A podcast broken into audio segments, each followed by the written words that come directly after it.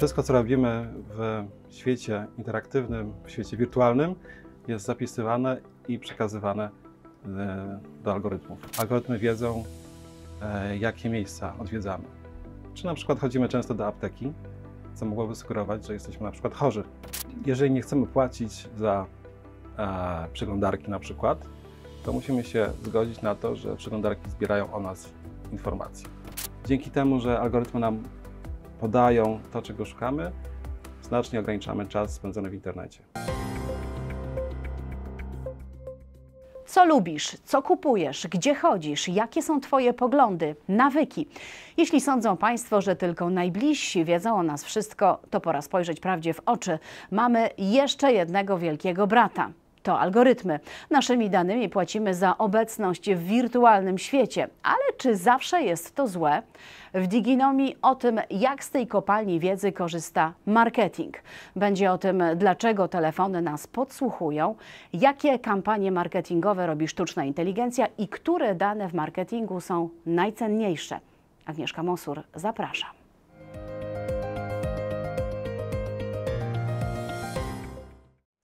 Gość Diginomi Marcin Gut, szef programac na Europę Środkowo-Wschodnią. Dzień dobry. Dzień dobry, dziękuję za zaproszenie. Marcinie, powiedz, co wiedzą o nas algorytmy? Bardzo dużo. Wszystkie elektroniczne e, urządzenia, z których korzystamy, telefony, laptopy, komputery, wszystkie urządzenia zapisują informacje na nasz temat, które potem są wykorzystywane przez algorytmy, które zbierają te dane, e, segmentują, e, udostępniają do innych platform. Więc wszystko, co robimy w świecie interaktywnym, w świecie wirtualnym, jest zapisywane i przekazywane e, do algorytmów. Ale w jaki sposób jest zapisywane? Na przykład przeglądarki zapisują historię przeglądanych stron e, w tak zwanych plikach cookie. Czyli każda przeglądarka ma zapisaną Twoją, moją, każdego z nas historię tego, na jakie strony wchodzimy, jakie tematy nas interesują, z jakich e, mediów korzystamy. Dzięki temu możemy mm, poznać e, zainteresowania danej osoby, możemy poznać jej intencje zakupowe, bo jeżeli przeglądamy informacje na temat określonych produktów, to z dużym prawdopodobieństwem możemy powiedzieć, że chcemy kupić ten produkt. Podobnie możemy określić nawet e, poglądy polityczne osób. Tak? Jeżeli przeglądamy serwisy, powiedzmy, prawicowe częściej niż ogólna populacja, to już jest e, ważny sygnał dla algorytmów, że mamy określone poglądy i możemy być później przypisani do segmentu pod tytułem e, wyborca mm, prawicowy na przykład. Podobnie wygląda sytuacja z informacjami, które zbierają o nas e, telefony komórkowe, na, na, na przykład na podstawie danych geolokalizacyjnych algorytmy wiedzą, jakie miejsca odwiedzamy. Czy na przykład chodzimy często do apteki, co mogłoby sugerować, że jesteśmy na przykład chorzy, albo kupujemy leki dla kogoś. Czy na przykład e, często chodzimy do kina, co oznacza, że jesteśmy e, kinomanem, lubimy ten typ rozrywki. Czy chodzimy na stadiony, żeby oglądać mecze i, czy, i na przykład jesteśmy potencjalnym klientem um, gadżetów sportowych związanych z określonym klubem. Tak więc naprawdę e, algorytmy są kopalnią wiedzy na temat zachowań użytkowników, na temat tego, co lubimy, czego potrzebujemy. Wiedzą, co kupujemy, wiedzą, gdzie jeździmy, wiedzą, co oglądamy, wiedzą, o czym rozmawiamy. Na przykład e, rozmawiam o tym, że muszę wymienić opony, a za chwilę w telefonie wyświetlają mi się reklamy wulkanizacji. To też to dlatego? Jest, to jest kontrowersyjne, bo nikt tego nie potwierdza, ale faktycznie e, to może tak działać. Są aplikacje, które proszą nas o pozwolenie do dostępu do mikrofonu i mogą w tle nagrywać e, czy analizować dźwięk, który dobiega z otoczenia.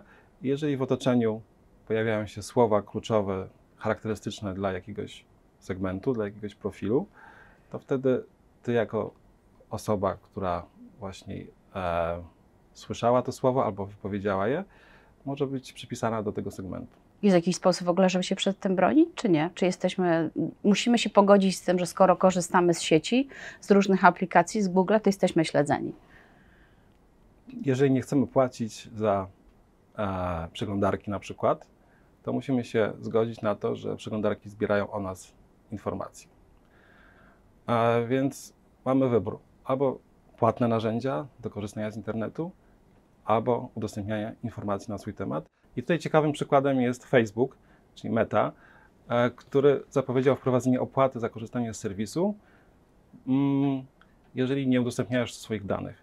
Czyli będziesz miał do wyboru. Albo płacisz i jesteś anonimowa i e, niewidzialna dla algorytmów, albo nie płacisz i syst- system może zbierać dane na Twój temat, może profilować e, Twoje zachowania i później sprzedawać je reklamodawcom, którzy chcą precyzyjnie e, personalizować swój przekaz reklamowy do Ciebie. Oczywiście te dane są anonimowe, czyli przeglądarki nie są w stanie zidentyfikować konkretnej osoby, więc nie, nikt nie jest w stanie trafić do konkretnej osoby. Natomiast z plików cookie są tworzone segmenty. W każdym segmencie jest e, kilka tysięcy czy kilkadziesiąt tysięcy użytkowników. E, w profilach demograficznych mamy po kilka milionów, w różnych e, na przykład kohortach wiekowych czy w, w, e, w profilach płciowych. Natomiast, tak jak mówię, te dane są zbierane z poszanowaniem prawa, na przykład z poszanowaniem RODO. Tak więc Czyli wszystko jest lega artis. to jest lega artis i z poszanowaniem prywatności. No właśnie, sprzedawać dane. Dzisiaj mówimy o danych e, w marketingu. Które z tych danych, o których mówiłeś, są najcenniejsze w marketingu i dlaczego? Najcenniejsze są tak zwane dane first party, czyli zbierane przez reklamodawców ze swoich jakby zasobów, ze swojej witryny, ze swojej aplikacji mobilnej, e, ze swojego sklepu, bo też można łączyć dane, które zbieramy w internecie z danymi, które są gromadzone w systemach CRM na przykład. Podaj przykłady takich danych. Na przykład e, osoby, które są częstymi klientami w sklepie internetowym, albo e, klienci, którzy robią e, zakupy na określoną wartość. Albo możemy wykorzystywać te dane też do tak zwanego upsellingu, czyli do sprzedawania naszym klientom innych produktów. Klasyczny przykład, ktoś kupuje buty, więc możemy mu zaoferować pastę do butów. A, tak, i możemy to zrobić na różne sposoby. Możemy do niego wysłać spersonalizowany mailing z informacją, że na przykład mamy dodatkowy rabat dla Ciebie na pastę do butów.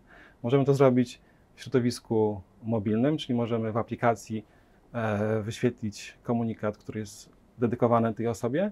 Możemy też zrobić kampanię reklamową w internecie na własnej stronie albo na stronach innych partnerów, czy na stronach wydawców, która będzie targetowana tylko i wyłącznie do tych użytkowników, którzy kupili właśnie te buty w naszym e, sklepie. Mhm. Więc te dane first party są najcenniejsze. Jest ich dużo? E, Jest ich mało, ale one są bardzo cenne, bo po pierwsze bardzo dużo wiemy o tych użytkownikach, bo jesteśmy w stanie łączyć dane z różnych źródeł. Dane o zachowaniu na- na naszym e, serwisie z danymi e, z CRM-u, czyli wiemy, gdzie taka osoba mieszka, jaka jest jej historia zakupowa. e, mm, Wiemy też, jak często robi zakupy, na jaką wartość, więc mamy bardzo dużo informacji na temat tego klienta. Dodatkowo możemy też łączyć dane z różnych środowisk, tak? czyli z aplikacji mobilnej, z serwisów www, e, ze sklepu, więc mamy pełen obraz klienta, e, tak zwany obraz 360 stopni. I możemy aktywować te dane później w różnych kanałach. I to są najlepsze dane w marketingu. I mówisz, że ich jest mało. Dlaczego ich jest mało? Liczba klientów jest ograniczona. E, Jest ich stosunkowo mało w porównaniu do innych rodzajów danych, z których marketing korzysta. Bo w marketingu mamy e, różne e, etapy komunikacji. Mamy etap prospekt, pro- prospectingu, gdzie staramy się zdobyć nowych klientów. Czyli e, kierujemy nasz komunikat szeroko. Mm, najszerszy sposób targetowania to demografia, tak? czyli taki najbardziej tradycyjny sposób e, demograficznych, czyli wiek, płeć, miejsce zamieszkania. Czasami też pojawia się e, status, tak? czy to ktoś jest w związku, czy nie. E, Google też udostępnia dane na temat tak zwanych live eventów, czy na przykład ktoś się spodziewa dziecka, czy ktoś zamierza wstąpić w związek małżeński. E, tak, więc to są te dane demograficzne, któ- których jest bardzo dużo. One są mało szczegółowe, ale ich zaletą jest to, że pozwalają nam osiągnąć duży zasięg. Tak? Czyli jeżeli mamy jakąś naprawdę kampanię, której celem jest na przykład wypromowanie marki, gdzie chcemy, żeby jak najwięcej ludzi poznało naszą markę, to wtedy najczęściej korzystamy z takich danych. I tutaj mamy podział na dane de e, deterministyczne, czyli dane zebrane z różnego rodzaju formularzy, z serwisów społecznościowych, gdzie faktycznie dana osoba uzupełniła e, wymagane dane, więc podała swój wiek, podała swoją płeć. To są dane deterministyczne. Natomiast też ich jest stosunkowo mało, więc żeby rozszerzyć potencjał, e, firmy zajmujące się dostawą e, danych e, wykorzystują algorytmy, których celem jest profilowanie takich danych, więc e, dobudowują dodatkowych użytkowników, którzy, o których nie mamy danych deterministycznych, a które, którzy zachowują się w charakterystyczny sposób dla kobiet, dla e, danego segmentu wiekowego. I jeżeli na przykład jestem użytkownikiem, który częściej niż populacja przegląda serwisy kobiece, to Mhm. wtedy moja płeć jest określona jako kobieta i wpadam do e, tego segmentu. Czyli mieliśmy dane first party, najważniejsze dla nas Tak. marketingu, dane demograficzne, dane dużo, du- znaczy najbardziej dostępne, ale Mhm. e, ogół, e, ogólne. Czy są jakieś jeszcze dane w marketingu ważne? Tak, tak, no są jeszcze dane behawioralne, czyli związane z zainteresowaniami. Skąd je czerpiemy? E, Jest kilka źródeł. Możemy korzystać od, ko- wykorzystywać dane od partnerów, gdzie e, określone sklepy sp- sprzedają swoje produkty. E, Mogą udostępniać takie dane zewnętrznym partnerom. Tak? Czyli Mhm. tutaj mówimy na przykład o podmiotach typu e, Ceneo na przykład, czy, czy Amazon, czy też teraz e, jest taki trend, że dużo e, retailerów, czyli sklepów, które sprzedają przez internet różne produkty e, innych dostawców, zaczynają mon- monetyzować swoje dane, czyli właśnie sprzedają na zewnątrz e, dane swoich użytkowników, że- żeby inni reklamodawcy mogli wykorzystać je do precyzyjnego targetowania. No właśnie, zewsząd dane z różnych źródeł i teraz Mhm. jest pytanie, e, jak, e, które dane są dobre? No bo to nie sztuka mieć dane, tak? Tylko Mhm. mieć, mieć jak ocenić, że jakieś dane są dobre i wartościowe. Przede wszystkim trzeba monitorować jakość, czyli musimy sprawdzać, jak na przykład e, kampania targetowana w oparciu o dane dane e, przekłada się na realizację celów kampanii. Czyli na w praktyce. czyli Mhm. sprzedaż, a jeżeli to jest kampania sprzedażowa, e, dobudowanie na przykład unikalnego zasięgu, jeżeli to jest e, kampania brandingowa, jak ruch z takiej kampanii przekłada się na realizację celów e, w sklepie internetowym, ile produktów sprzedaliśmy, czyli po prostu musimy, musimy to e, bardzo, bardzo dokładnie analizować i sprawdzać, jak inwestycja w dane przekłada się na zwrot z tej inwestycji. Jakie są najlepsze praktyki w zarządzaniu danymi? Przede wszystkim musimy sobie odpowiedzieć na pytanie, do czego potrzebne nam są dane. Mamy multum danych i nie wszystkie dane są potrzebne, albo nie wszystkie dane mm, mają znaczenie dla naszego biznesu. Więc pierwszym krokiem jest odpowiedzenie sobie na pytanie, co chcemy zyskać wykorzystując dane i jakie dane są dla nas ważne. I dopiero już jak ma- mamy w głowie ten cel, to możemy usiąść i zaplanować sobie odpo- odpowiednią infrastrukturę do zbierania tych danych, odpowiednią taksonomię, czyli jak będziemy nazywać dane, które zbieramy, tak, bo zbieramy dane z różnych źródeł, e, musimy je jakoś sklasyfikować i ponazywać, żeby te dane były zrozumiane dla wszystkich organizacji, tak, bo dział marketingu pracuje nie tylko, e, znaczy nie, nie tylko dział marketingu pracuje na danych, na danych pracuje też dział IT, dział prawny, dział sprzedaży oczywiście. Więc e, taka strategia budowania i zbierania danych musi być wspólna dla wszystkich działów w organizacji. E, no i później musimy wybrać systemy, czyli musimy zbudować infrastrukturę, mm, na bazie której będziemy zbierać te dane i e, które będziemy wykorzystywać później do optymalizacji też e, naszych działań marketingowych. Jak wykorzystać sztuczną inteligencję mm, w marketingu opartym na danych? Sztuczna inteligencja pomaga nam budować nowe segmenty danych, bo w e, obecnym internecie mamy coraz więcej ograniczeń związanych z ochroną prywatności. Tak? E, W Kalifornii mamy oddzielny akt e, broniący prywatności. W Unii Europejskiej mamy GDPR, e, który stoi na straży prywatności.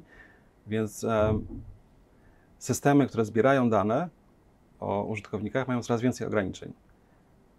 Przez to te dane są coraz mniej precyzyjne. I tutaj mamy sztuczną inteligencję, machine learning, który pomaga nam zasypać tak jakby tą dziurę, która pojawia się w momencie wprowadzenia ograniczeń prywatności. To jest jedna funkcja e, sztucznej inteligencji. Druga funkcja to optymalizacja, czyli coraz mniej marketerzy optymalizują działania marketingowe ręcznie, a coraz częściej posiłkują się algorytmami, które w automatyczny sposób e, optymalizują kampanie pod kątem sprzedaży, pod kątem e, różnego rodzaju KPI-ów marketingowych, na przykład e, pod kątem lojalności. Tak? Mamy systemy do marketing automation, które same podpowiadają marketerowi, jakie komunikaty należy wysyłać do klientów, żeby utrzymać ich lojalność. Albo jak zaplanować komunikację do klientów, żeby ograniczyć ich e, e, odpłynięcie do konkurencji. Więc e, coraz więcej zadań, które wcześniej były wykonywane ręcznie przez marketerów, teraz jest wykonywana przez e, algorytmy, które w automatyczny sposób e, robią tą pracę. Mhm. Czy to już będzie tak, że właśnie kampanie marketingowe będą tworzyły algorytmy tylko i wyłącznie, czy to jeszcze nie jest możliwe? To się już dzieje.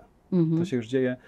E, Są systemy, które w automatyczny sposób dopasowują przekaz do segmentu e, użytkowników, do którego reklama jest wyświetlana. Mm, Są systemy, które podpowiadają, które hasło reklamowe e, powinniśmy zaserwować danej osobie. Są e, systemy, które podpowiadają, jaki format lepiej działa, tak? czy, czy to jest wideo, czy to jest e, reklama graficzna. E, Są e, algorytmy, które prostu e, z gotowych jakby elementów budują kreację, która jest dopasowywana do danego użytkownika. Na ile skuteczne, na ile trafione to są mm, podpowiedzi? Czy to są e, podpowiedzi oparte na danych, więc one bazują na historycznych danych i one są bardzo skuteczne. Mhm. Oczywiście algorytmy potrzebują czasu, żeby się nauczyć, co działa, co nie działa, ale jak już mają tą wiedzę, to działają bardzo skutecznie. Ciasteczka, nie ciasteczka, różne sposoby na śledzenie e, internautów. Powiedz, czy my jesteśmy skazani jednak na to, że będziemy zawsze śledzeni? Jesteśmy skazani na to, ale ja bym tutaj nie używał słowa skazani, bo to brzmi pejoratywnie, bo to też ma za zadanie ułatwić nam życie w internecie. To znaczy, algorytmy, zbieranie danych sprawia, że e, wydawcy czy sprzedawcy podsuwają nam produkty, które są dla nas faktycznie interesujące. Dzięki temu nie musimy tracić czasu na przeglądanie e, wielu stron z opiniami, z opisami różnych produktów. Dzięki temu, że algorytmy nam podają to, czego szukamy, znacznie ograniczamy czas spędzony w internecie. Czy jak widać, każdy kij ma dwa końce. Bardzo dziękuję. Marcin Gut, szef programu na Europę Środkowo-Wschodnią, był gościem Diginomii. Dziękuję bardzo, to była przyjemność.